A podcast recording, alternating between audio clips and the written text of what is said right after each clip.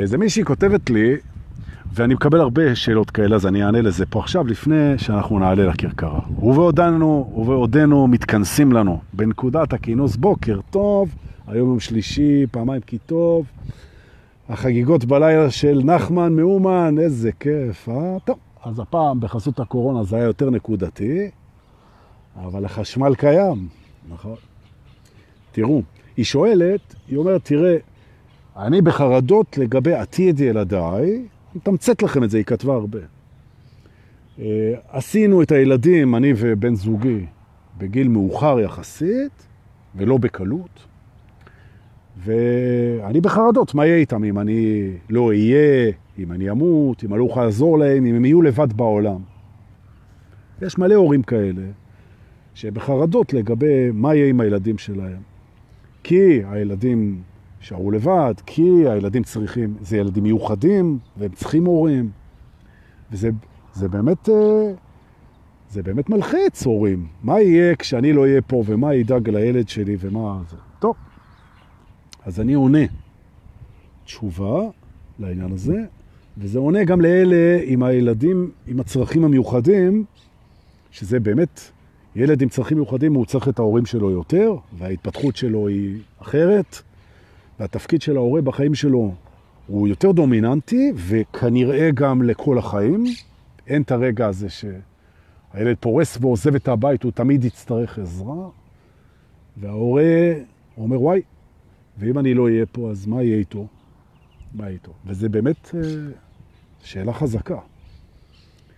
אז על זה אני נותן תשובה, אה, ואני אומר ככה, תראו, הורים יקרים, מסתקרנים נכבדים, תראו, לעשות יותר ממה שאפשר לעשות, אי אפשר.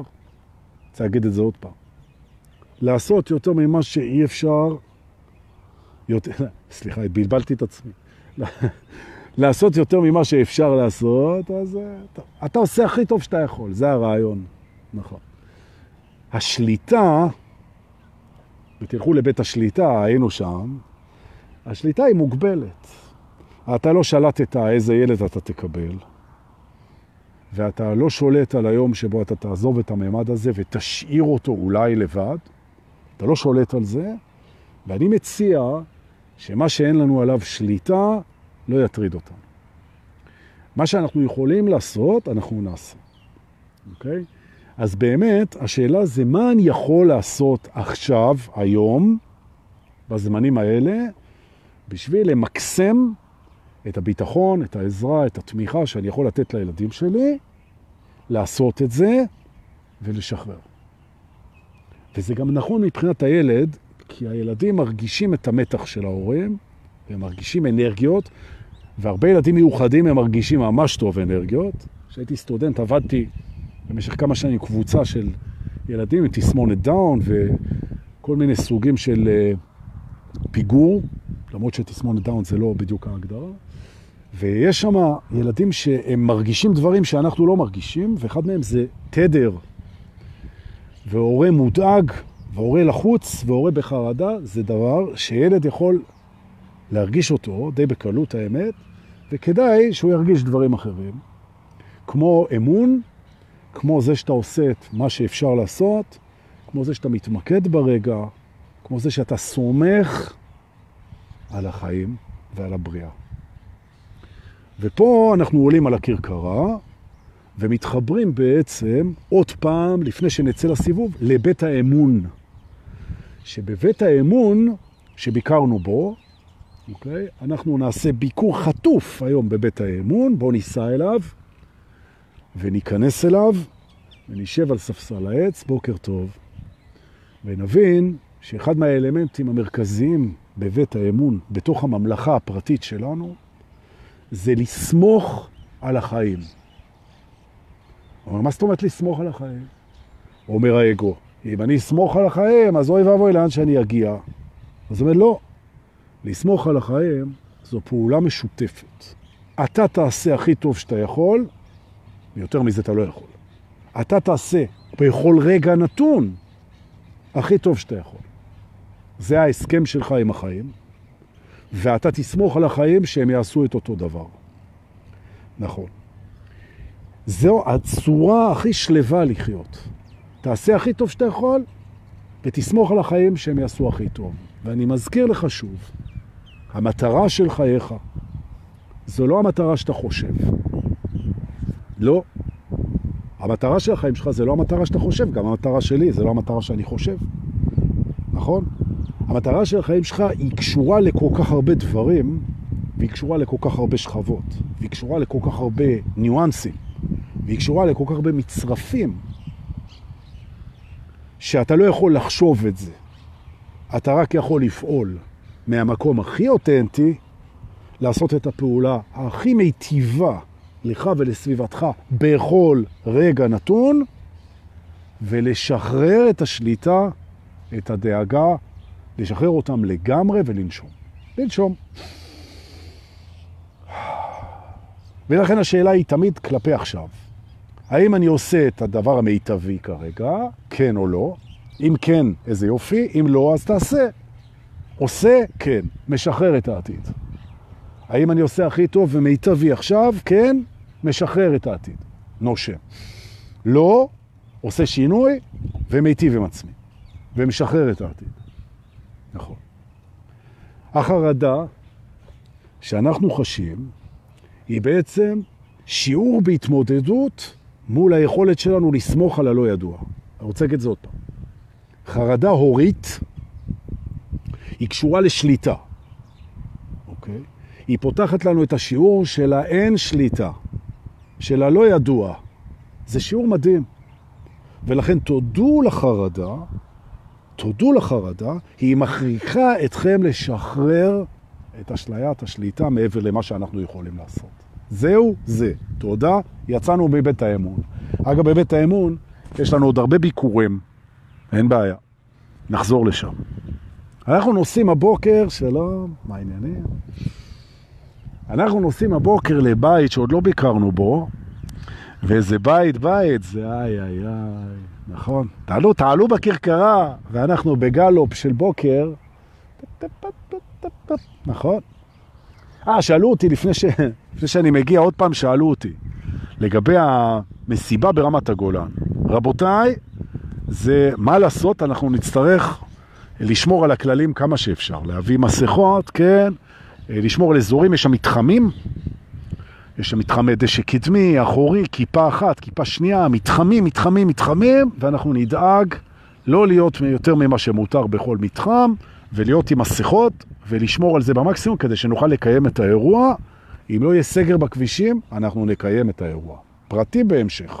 ועכשיו, בזמן שאני נותן את האינפורמציה הזאת, הגענו לבית שרציתי להגיע אליו.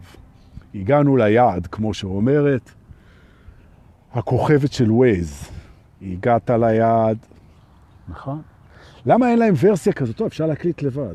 הגעת ליעד, כזה. משהו נעים כזה, מסתורים. והיעד היום הוא בית היעדים.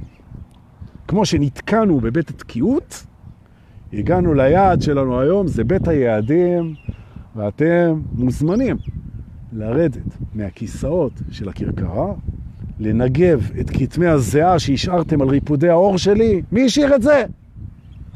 נכון? בוקר טוב, זה הזמן להגיד לפני שאנחנו נכנסים לירין, מה העניינים, הכל בסדר. אה, ולכל מי שנמצא איתנו פה, אני רואה גם אה, פרץ פרחי פה, ובכלל כל החבורה. אז איזה כיף שאתם פה. געגעתי כל הלילה, חשבתי עליכם. ושלחתי לכם תדרים חיובי, וקיבלתי מכם תדרים אוהבים. והרגשנו אחד, כמו בחללית ענקית כזאת של אהבה, ועפנו בין החלומות. ובבוקר התעוררנו לחלום הזה שנקרא מימד הזמן, ובמימד הזמן נכנסנו לעוד חלום שנקרא מסע הקסום לממלכה הפנימית עם דור כסייס, ואנחנו ניצבים אל מול בית היעדים. Okay. אני אומר לכם, לפני שאתם נכנסים לבית היעדים, הולך להיות פה מסע לא קל לאגו. ביקור כזה בבית היעדים הוא מסע לא קל לאגו, לנשום, ללטף את האגו שלכם על הראש, להגיד לו, חמוד שלי, אל תדאג, אני איתך עד המוות, כן? זה היעד שלי, אוקיי? ובוא ניכנס ותהיה רגוע. ואנחנו נכנסים לבית היעדים, מתיישבים על ספסל הברונזה ששמנו שם מבעוד מועד. והדבר הראשון שאנחנו פוגשים בבית היעדים זה את התובנה. ואם אתם רוצים, תלבישו את התובנה הזאת באיזו צורה שאתם רוצים. זה יכולה להיות דוגמנית בכותונת לילה, זה יכול להיות שחקן קולנוע מסוכס בטוקסידו של יציאה בערב, זה יכול להיות אסיר נמלט, תלבישו את זה איך שאתם רוצים, אנחנו פוגשים את התובנה. תובנה לגבי יעדים, אוקיי? יעדים בחיים זה דבר חשוב. נכון. יעדים זה דבר שנותן לאגו סיבה לקום בבוקר. הוא קורא לזה משמעות. אוקיי. זה נכון. יעד, אוקיי. יעדים והשגתם זה דבר שנותן לאגו סיפוק ושמחה. נכון? יעדים זה משהו שקשור לבית העתיד, כי יעדים הם תמיד בעתיד. נכון? נכון. ועכשיו אנחנו מגיעים לפואנטה. מבחינת האגו, יעדים והשגתם הם תנאי ל... ועכשיו הוא מביא לכם רשימה. אני אגיד את זה עוד פעם, אנחנו נעשה את התרגיל הזה ביחד, אוקיי? אנחנו נושמים, אולי עוד פעם אפילו. ואנחנו אומרים, השגת יעדים בחיי היא תנאי ל... ונותנים לאגו להשלים את המשפט. Okay. ואגואים מדברים על משמעות, על טעם לחיים, על סיפוק, על חשק, על מרץ, על כוח, על uh, תוחלת, על מה שאתם רוצים. ופה, בנקודה הזאת, אנחנו היום כאן פה, עם המאה האנשים שנמצאים פה, תודה רבה, ואנחנו נחולל שינוי. Okay? אוקיי? יעדים הם אולי, והשגתם, הם אולי תנאי לכל מיני דברים של האגו, זה נכון. הוא אפילו מוצא בזה משמעות, אין בעיה, לא נתווכח את זה, אני רק מזכיר. אנחנו, זה לא האגו שלנו, אוקיי? והשגת יעדי האגו שלנו, זה בהחלט משהו שחשוב לנו, כי האגו חשוב לנו. אבל יש תנאי מקדים ליציאה לכיוון היעד. כמו שלפני שיוצאים לשדה התעופה בדרך לתאילנד, יש תנאי מקדים.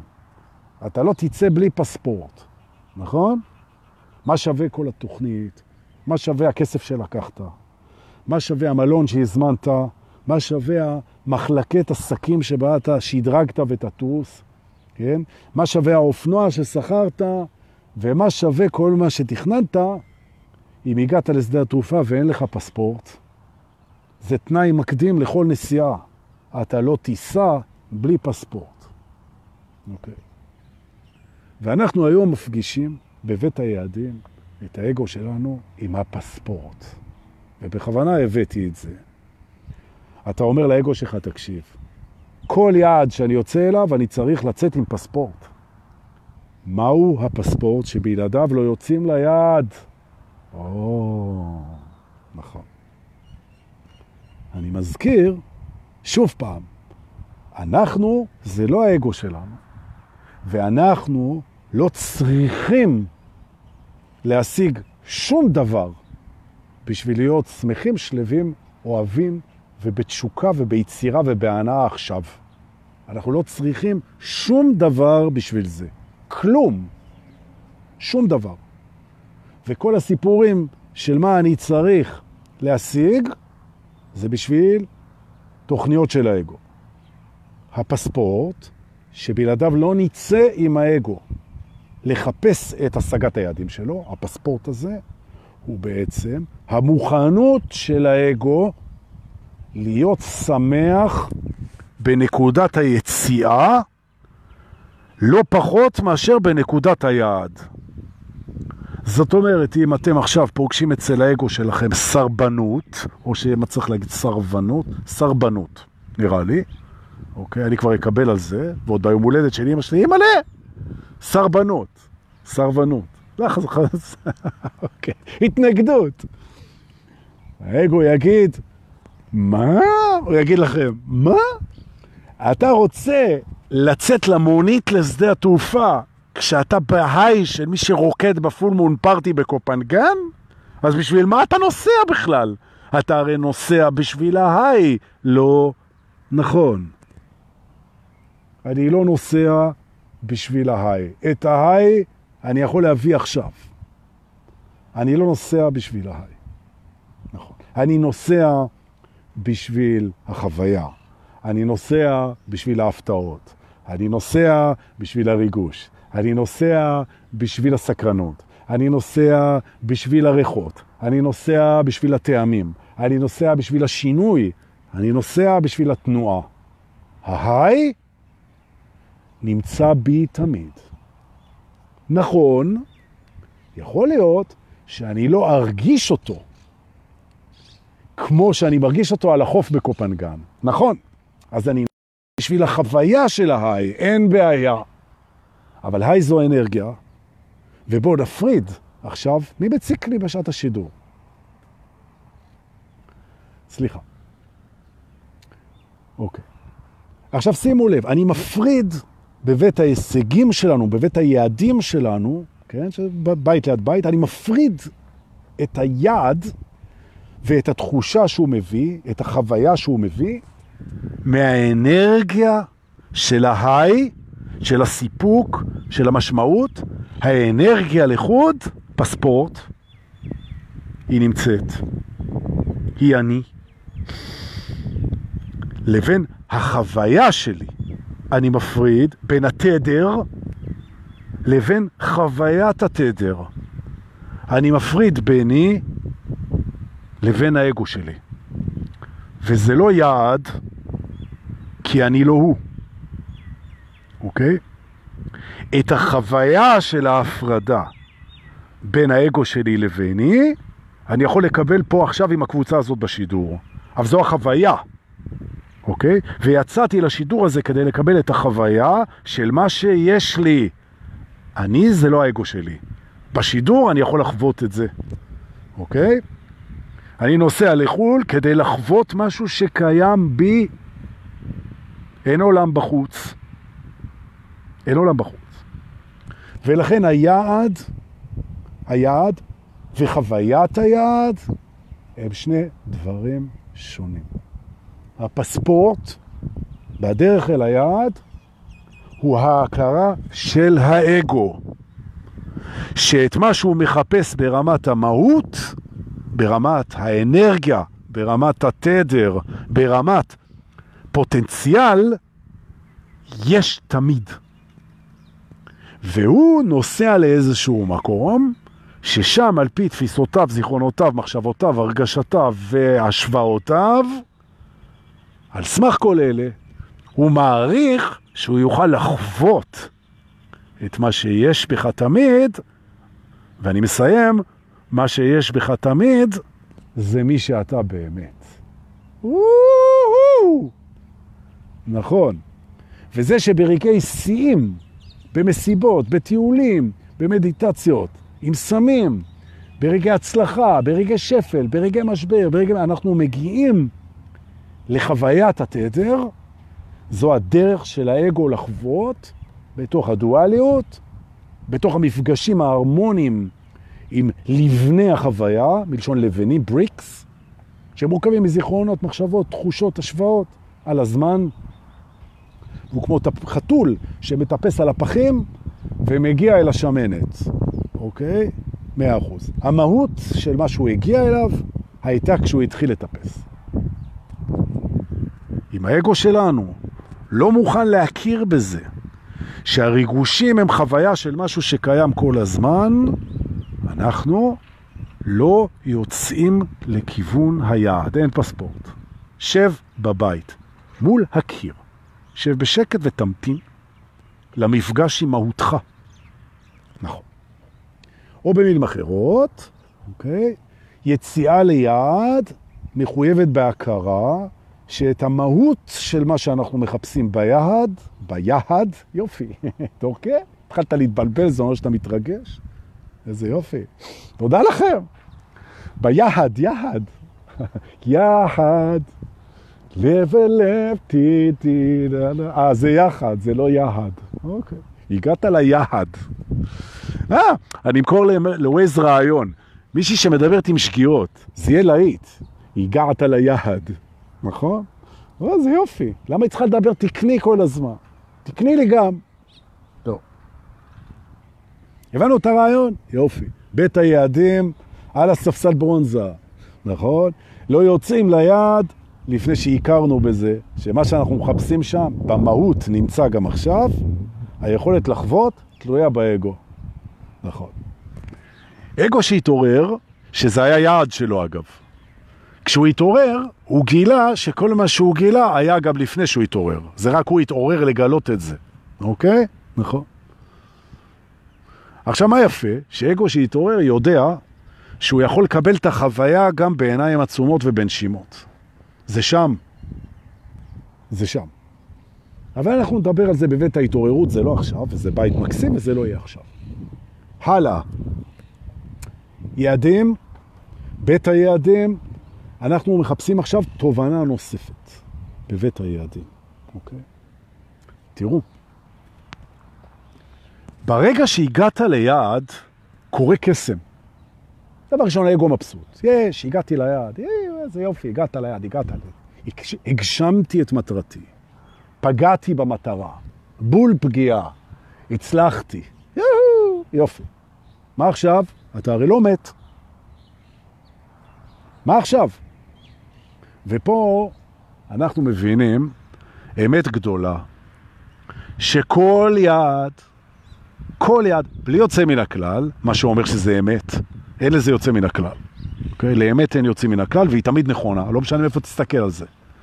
כל יעד, ברגע שהגעת אליו, הוא הפך לתחנה בדרך ליעד הבא. אין יעד סופי, אין דבר כזה.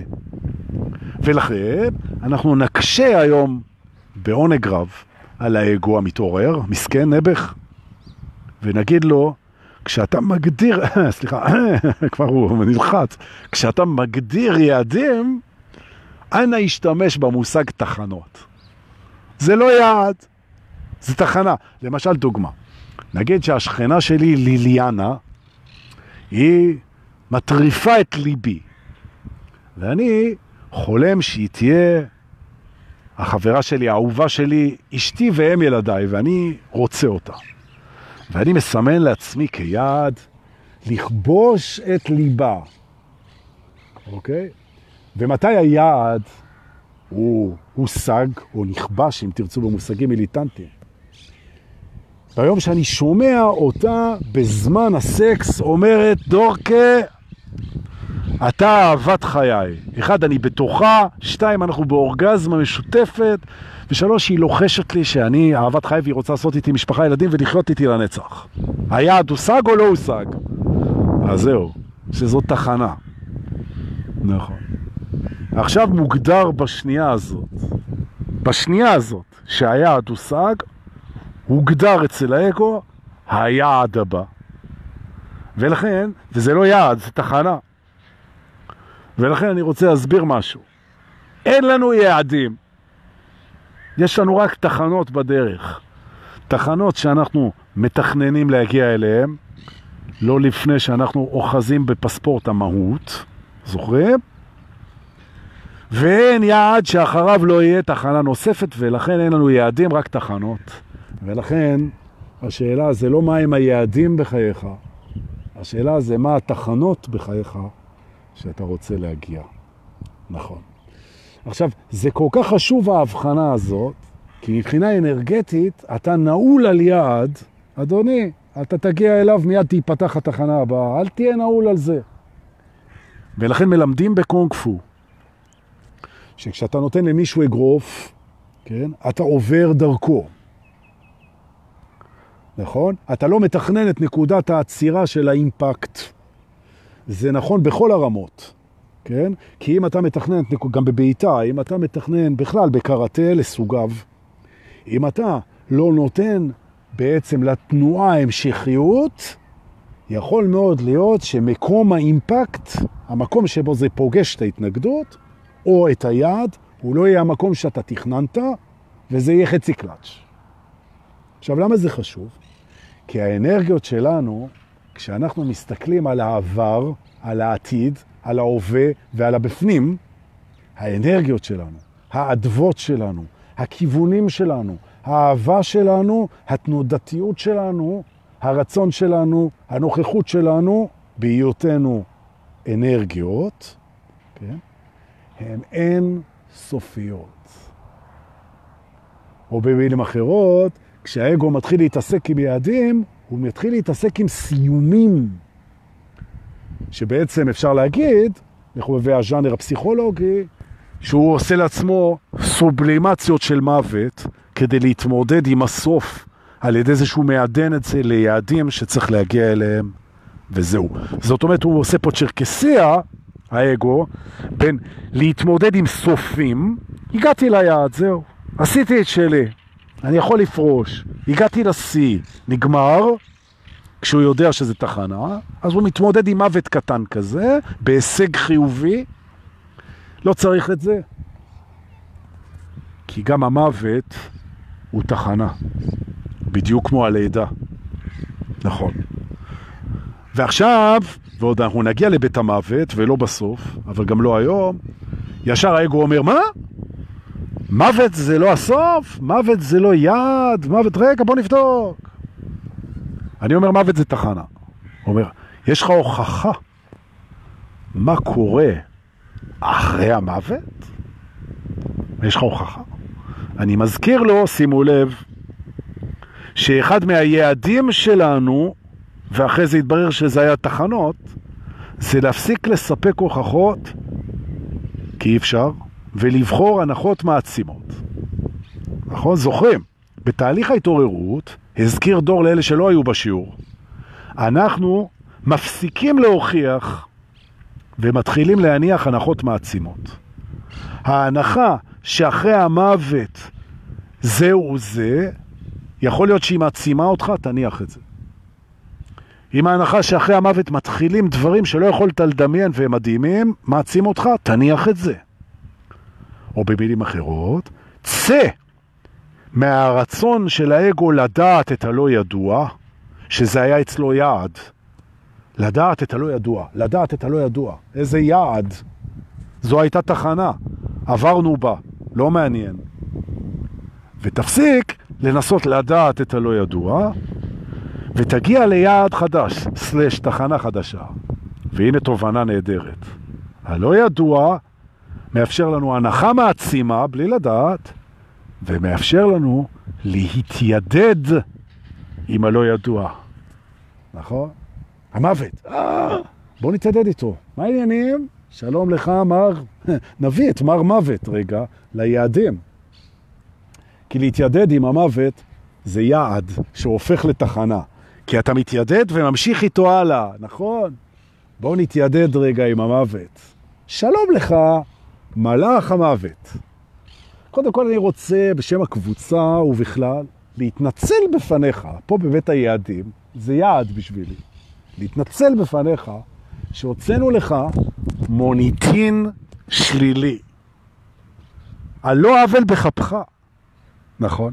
מעולם לא הייתה לנו הוכחה, לנו לבני התמותה, לא הייתה לנו הוכחה שמוות זה דבר רע. ההפך, אומרים המוות הגואל, הוא גואל מייסורים. זה מקום שכולם בלי יוצא מן הכלל הולכים אליו, כולם.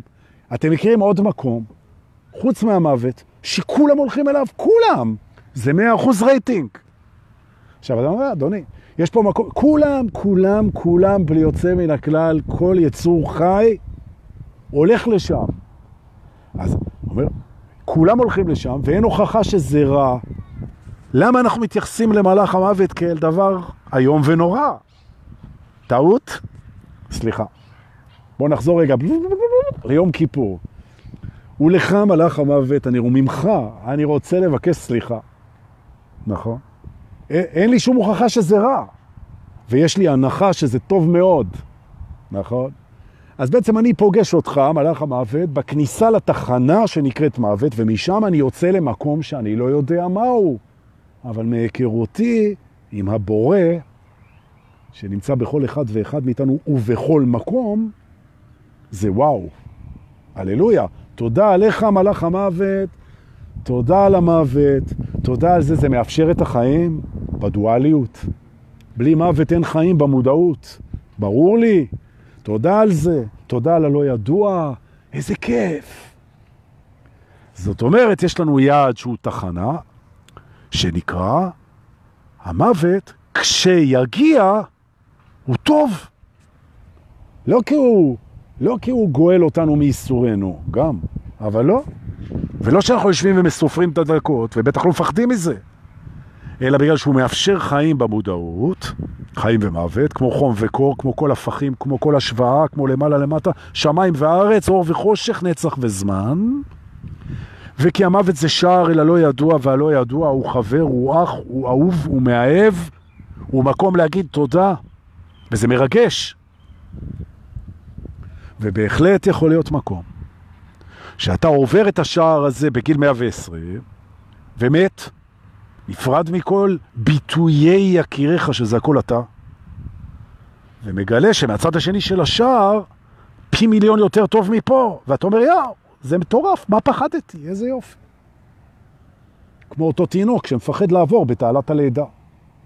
או אותו פרפר שמפחד להתגלם, סליחה, אותו גולם שמפחד להתגלם ולא יודע שמהצד השני של הגולם יש חיים של פרפר. והתינוק שבמעבר ביציאה יוצא מהרחם, אמא! ופתאום חיים מדהימים. אתה רואה את זה בכל מקום, את ההתחדשות הזאת הנהדרת. אבל לא, מה פתאום? אנחנו עם האגו שלנו, שלא יודע מה יקרה, מניחים את הרע מכל, כאילו שזה יעזור לנו. אז היעדים משתנים היום. קודם כל, אנחנו לא יוצאים לשום יעד לפני שהמהות של היעד נוכחת בנו. חשוב מאוד. הפספורט. האגו רוצה לצאת ליעד, עבודה, הישגים, בחורה, בית, כסף, מעמד, whatever. אתה שואל אותו, כמו אחרון הפקידים ברשות שדות התעופה, תעופה, תעשה את הפרצוף, אתה אומר, יש לך פספורט? האגו אומר, מה, איזה פספורט? יש לך פספורט? זה לא פספורט. פספורט זה שאתה תגיד לי שבמהות מה שאתה מחפש ביד נמצא עכשיו פה. לא אמרת, אין פספורט, שב בבית. תראה רגע ודוד לי בטלוויזיה, בשחור לבן. ותחשוב. נכון. על המוות. המבורך. נכון. אז לא רק שכל יום אלוהים נותן לנו יום, ושכל יום דלתות נפתחות, ושכל יום אנחנו מתחילים מחדש, ושההתעוררות היא אינסופית, והתדר לא מפסיק לעלות, ואפשר לסמוך על החיים שיקחו אותנו למקום שאנחנו לא יודעים לאן אנחנו צריכים להגיע, ושאנחנו עושים הכי טוב שאנחנו יכולים, וזה מספיק. ולא רק שאנחנו בהודעה ובשמחה ובחיבור ובריקודים, ולא רק שאנחנו בהסכמה למה שקורה ואנחנו לא יכולים לשנות ומפסיקים להתנגד, ולא רק שאנחנו בסליחה, ולא רק שאנחנו במגע, ולא רק שאנחנו בעצם באים להיטיב עם עצמנו והסביבה, ולא רק שאנחנו במילים טובות ובנחמה ובהכלה, לא רק כל זה, אלא התחנה הזאת שנקרא המעבר לממד הבא, כמו הלידה, זה וואו, מטורף. והתחלנו לעשות הנחות מעצימות ולהשתמש בפספורט בדרך ליעדים. בואו נצא מבית היעדים, היה לנו פה ביקור חטוף, אבל משמעותי. בואו, בואו לקרקעה, בואו, ניסע לאיזה בית אחר. היום, לכבוד ההילולה של אה, רבי נחמן, שחלק אמרו לי שזה בכלל היה אתמול, אבל אני רע בתאריכים, אז חוגג את זה גם אתמול וגם היום. אנחנו נלך רגע לבית הריקודים. ביקור חטוף בבית הריקודים, בואו איתי.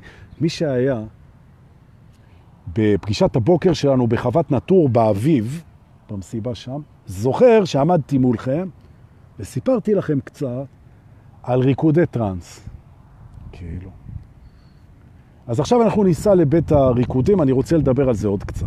בואו, בואו ניכנס. עכשיו, בבית הריקודים, שהוא דומה בכלל לכפר שלי, כן? אבל יש גם בית ריקודים לחורף, כן? אז בבית הריקודים יש מוזיקה כל הזמן, אז תדמיינו את המוזיקה שאתם אוהבים. תראו, לרקוד, ולא משנה איך, ולא משנה איזה מוזיקה, זה לא משנה בכלל. לרקוד זו מתנה ענקית שאתה יכול לתת לעצמך. ועל המתנה הזאת אני רוצה לדבר עכשיו, אוקיי? כשאתה רוקד ממקום שהוא נכון לך, אתה נותן לעצמך מתנה. ולכן אני ממליץ לנו לרקוד כמה שיותר. ושוב אני אומר, מה שמעניין זה שהריקוד יהיה נכון לך. נכון לך. מה זה ריקוד נכון? אני מסביר עכשיו. לך, נכון לך. אוקיי. הריקוד הנכון, אנחנו בבית הריקודים, כן? הריקוד הנכון הוא ריקוד שמבחינתך זה לא מעניין אותך בכלל, אפילו לא ברמת האחוז. זה לא מעניין אותך בכלל. איך זה נראה? או איך זה נראה. הסתבכתי היום עם ה... אוקיי? איך זה נתפס? האם זה נתפס כמוכשר, מוצלח, סקסי, אסתטי? זה לא מעניין אותך. אתה לא רוקד בשביל להרשים. אתה לא רוקד עם עצמך בשביל לגרות. אתה לא רוקד בשביל להעביר מסר. לא. אתה רוקד בשביל לחגוג את עצם קיומך. וזו שמחה, כמו שהפרפרים רוקדים, כמו שהזבובים רוקדים, כמו שהציפורות, ציפורות, יופי דור, שהציפורים רוקדות, ציפורות רוקדות, הגעת ליעד וכל הציפורות רוקדות. כמה ש... טוב, נכון. אתה רוקד את שמחת החיים שלך עם עצמך, את זה שאתה קיים פה. את זה אתה רוקד. נכון. וזו שמחה גדולה. זו שמחה גדולה. ממש. עכשיו, השמחה הזאת, אנשים יכולים להצטרף אליה, והם יכולים לא להצטרף אליה. אתה, הפוקוס שלך, ההוויה שלך, המיקוד שלך, שזה פוקוס, כן? הרפיטיציות שלך, כן? הכל מרוכז בשמחת הווייתך. את זה אתה רוקד. ואתה נותן לגוף להתחבר דרך שני אלמנטים. זה שתי תחנות, אם תרצה שני יעדים, אוקיי? מהבית הקודם. הראשון זה המוזיקה שמרגישה לך, אי אפשר לזייף את זה, שהיא עושה לך את זה. כי מוזיקה שלא עושה לך את זה, זה תדר שהוא כרגע לא מתאים לך, כרגע. ולכן חשוב שהמוזיקה תעשה לך את זה, נכון? ומה שיפה אגב אצל המתעוררים, שיותר ויותר מוזיקות עושות להם את זה. נכון?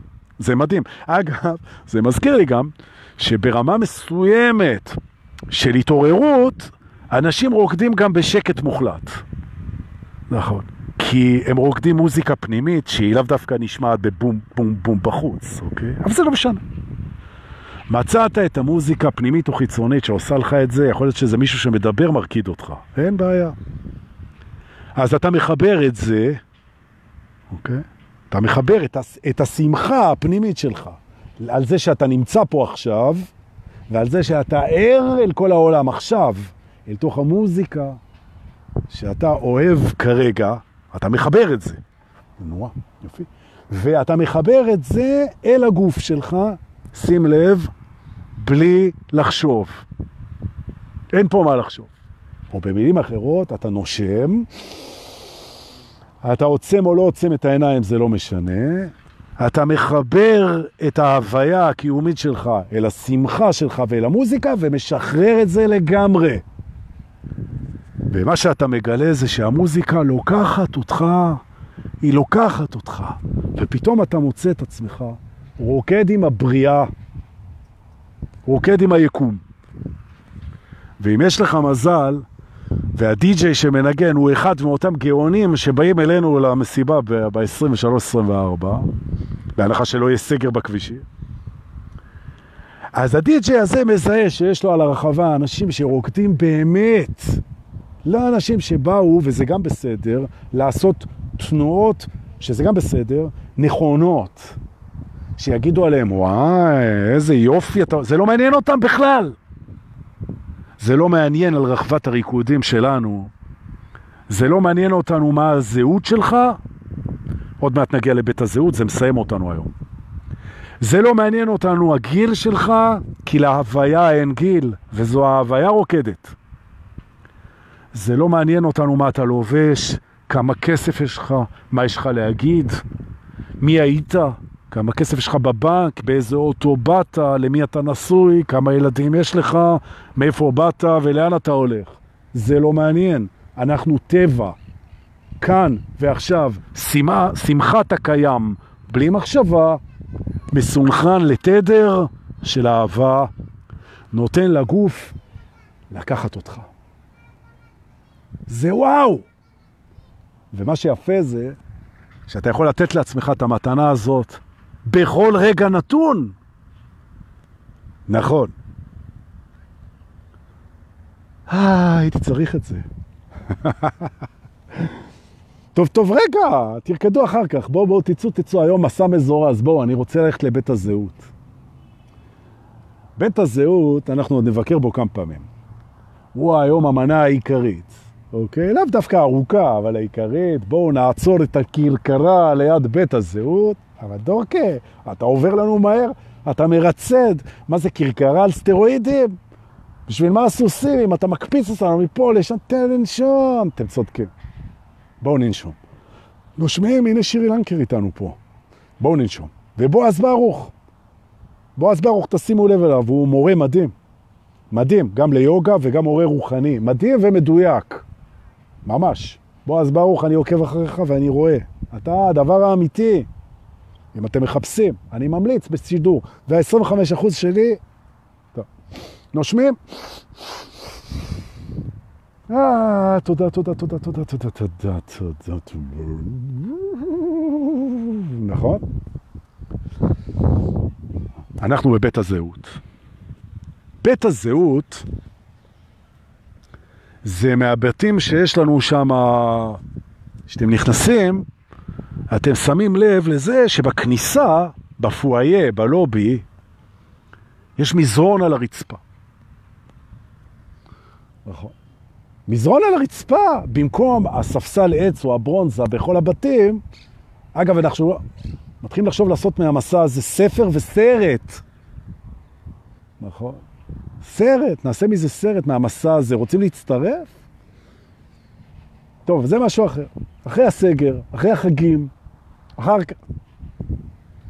עכשיו אנחנו בבית הזהות. למה יש מזרון, או שמא צריך, אימא להסתבכתי, מזרן, מזרון, מזרן, אימא, למה זה? Happy birthday. אני שר לאימא עכשיו. רגע אחד. כל יום אימא שלך בת 90? אימא יקרה, היא לא רואה את זה. עכשיו יש אצלה קרנבל של אנשים שבאים להפר את הסגר, לחבק אותה, אבל אני אומר, היא תראה את השידור הזה. אתמול היא קראה את הברכות שלכם, זה היה חימם את ליבי ואת ליבה, ועוד לה יש קוצב לב, בכלל זה חימם את זה טוב, כי התחמם הקוצב. אז אמא, מזל טוב, ליום הולדתך 90, זכיתי פה לשבת עם קבוצה של 100 אנשים, כל אחד יותר מדהים מהשני, וכולנו ביחד. מאחלים לך בריאות ואריכות ימים, חיבוק גדול ונשיקה, ועכשיו, אחרי שגמרתי את חובותיי למשפחה, בית הזהות נפתח במזרון על הרצפה. מה? למה, אתם שואלים? כי אנחנו נכנסים פה להיאבקות. מה? מה פתאום היאבקות? מלחמה לא אצלנו. אנחנו לא נאבקים. כן, אנחנו כן נאבקים. הקרב מול הזהות זה קרב. לא יעזור. לפעמים גם שוחר שלום צריך לדעת לצאת למלחמה. לא בשנאה, לא בכעס, לא בנקם ולא ברצון להכאיב, אבל בצורך להכניע את היריב, כמו בג'ודו. הוא יכול להיות החבר הכי טוב שלך. לפעמים האגו צריך לקבל את האיפון שלו. איפון זה נוקאוט בג'ודו, אוקיי? שמצמידים אותו עם שתי הכתפיים אל המזרון. אבל דורקס זה ביטוי מיליטנטי, אנחנו אנשי שלום. נדליק קטורת, נלבש את כפכפי הבירקנשטוק, את הגלימה הלבנה, נעשה אום שנתי, אום שנתי, אום שנתי, ובינתיים האגו יעשה לנו צ'רקסיות, לא בבית ספרי. אצלי אין אום שנתי, אין בירקנשטוק ואין גלימות לבנות. נכון? יש מאבק על המזרון עם האגו. זהות, זהות היא אופציה. זהו זה. נכון. זה כמו אם תרצו מעולם הרכב, כן? אתם יכולים לשים ג'אנטי מגנזיום לחובבי הרכב. זה אופציה, אוקיי?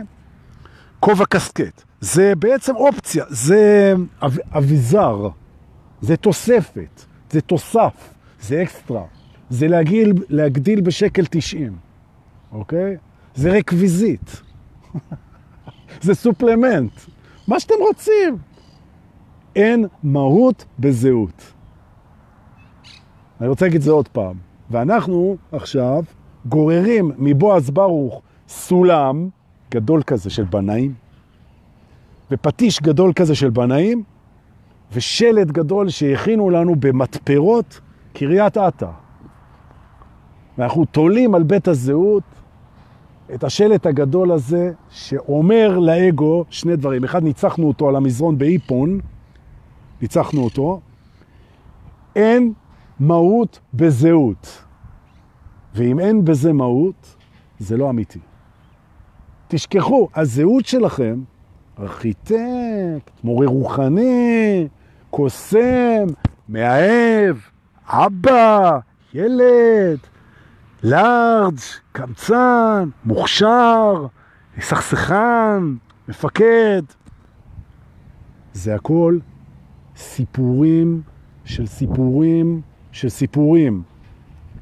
זה הכל סיפורים, וזה בסדר. גם כובע קסקט זה טוב, גם ג'אנטי מגנזיום זה טוב, גם צבע אדום לתיבת הדואר זה טוב. זה לא המהות. המהות של תיבת הדואר זה שאפשר לשים בתוך הדואר והדבר ייקח את זה משם. המהות של כובע קסקט זה זה שהוא מסתיר את הראש. הוא מכסה את הראש מהשמש, והמהות של ג'אנטי מגנזיום זה שהם ג'אנטים, לא שהם מגנזיום. זה הדבר שעליו מולבש הגלגל באוטו. זהות מאפשרת לאגו להתייחס לעצמו בצורה מסוימת.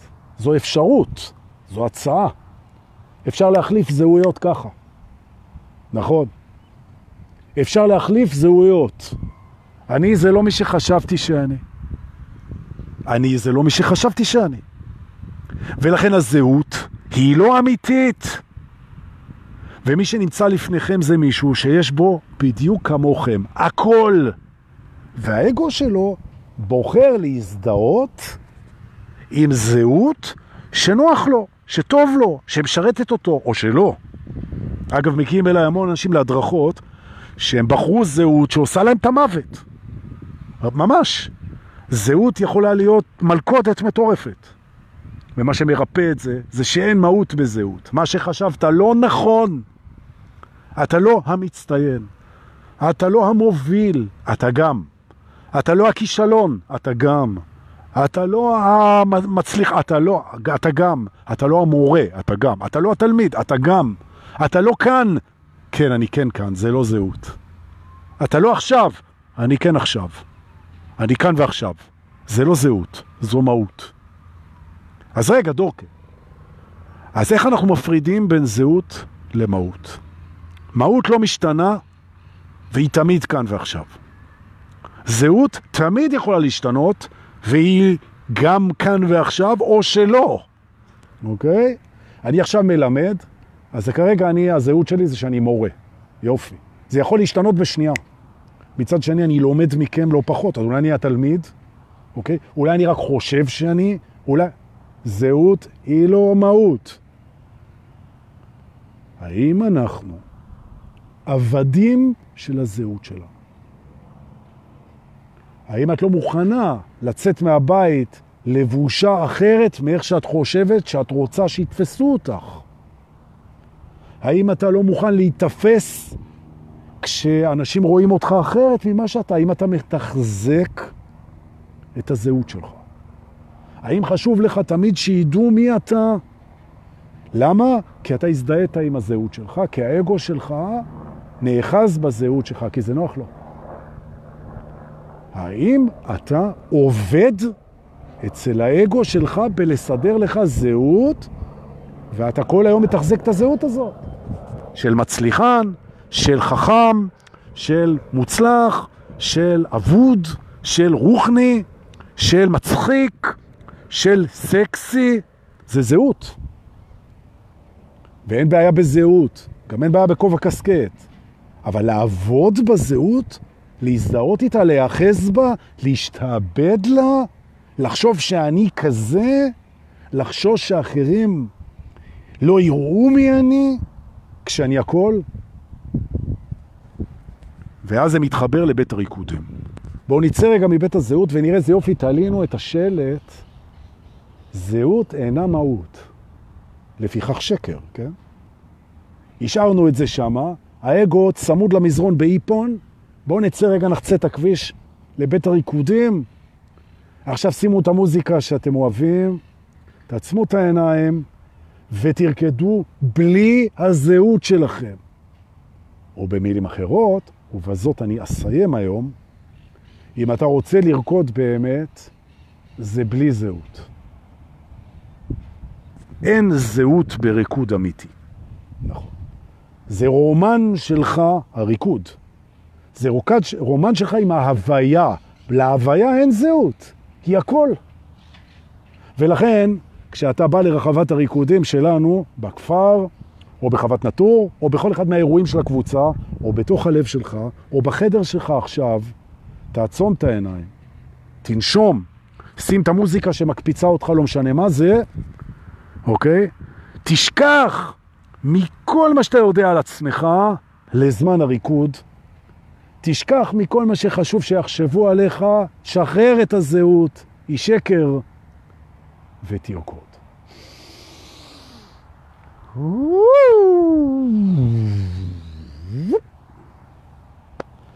זה מסכם היום. מה אתה צועק? גבירותיי ורבותיי, הרגע סיימנו את הביקור שלנו להיום בבית הריקודים ובבית הזהות.